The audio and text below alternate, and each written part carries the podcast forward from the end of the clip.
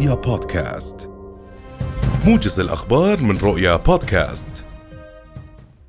قال الناطق الإعلامي باسم مديرية الأمن العام إن بلاغا ورد إلى مديرية شرطة محافظة إربد بقيام فتاة تبلغ من العمر 17 عاما وإثر خلافات عائلية بإطلاق عيارات نارية على أفراد أسرتها. وأفاد البيان بوفاة ثلاثة من أفراد الأسرة جراء الحادثة وأضاف أنه جرى التحرك للمكان وإلقاء القبض عليها. إذ تم ضبط السلاح الناري المستخدم وبشر التحقيق معها.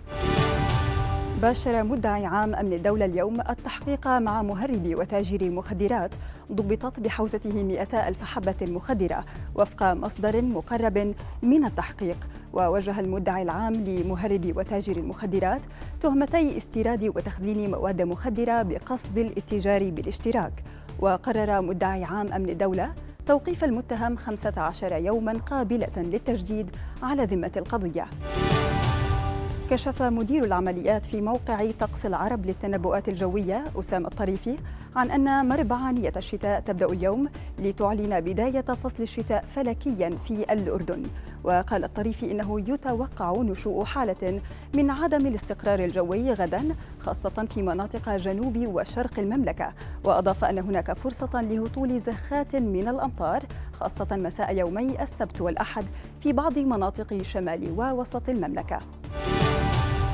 استشهد شاب وأصيب خمسة آخرون بالرصاص الحي والمعدني خلال اقتحام قوات الاحتلال المنطقة الشرقية من مدينة نابلس وفق ما أفاد مراسل رؤيا في الأراضي المحتلة.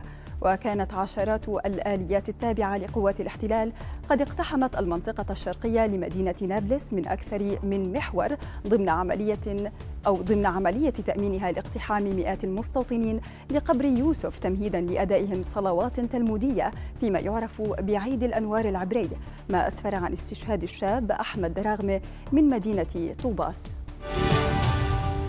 أعلن رئيس وزراء الاحتلال المكلف بنيامين نتنياهو ليلة أمس نجاحه في تشكيل حكومة جديدة مع حلفائه في معسكر اليمين وذلك قبل دقائق من انتهاء التفويض الممنوح له. ومن المقرر أن تؤدي الحكومة اليمينية القسم أمام الكنيست الاثنين المقبل بعد انتهاء ما يعرف بعيد الأنوار اليهودي. وبذلك سيخلف نتنياهو رئيس الوزراء المنتهي ولايته يائير لابيد. أكد الرئيس الأوكراني فولوديمير زيلينسكي في خطاب تاريخي ألقاه في واشنطن أمام الكونغرس الأمريكي أن أوكرانيا لن تستسلم أبدا للقوات الروسية التي تغزو أراضيها منذ الرابع والعشرين من شباط مؤكدا أن قوات بلاده صامدة. وأعلن زيلينسكي أن حصول كييف على أنظمة باتريوت الأمريكية للدفاع الجوي سيعزز بقوة قدراتها الدفاعية.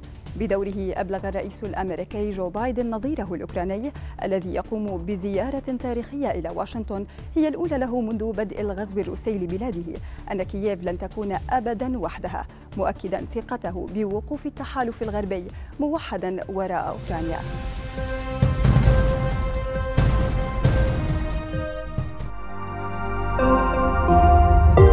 رؤيا بودكاست.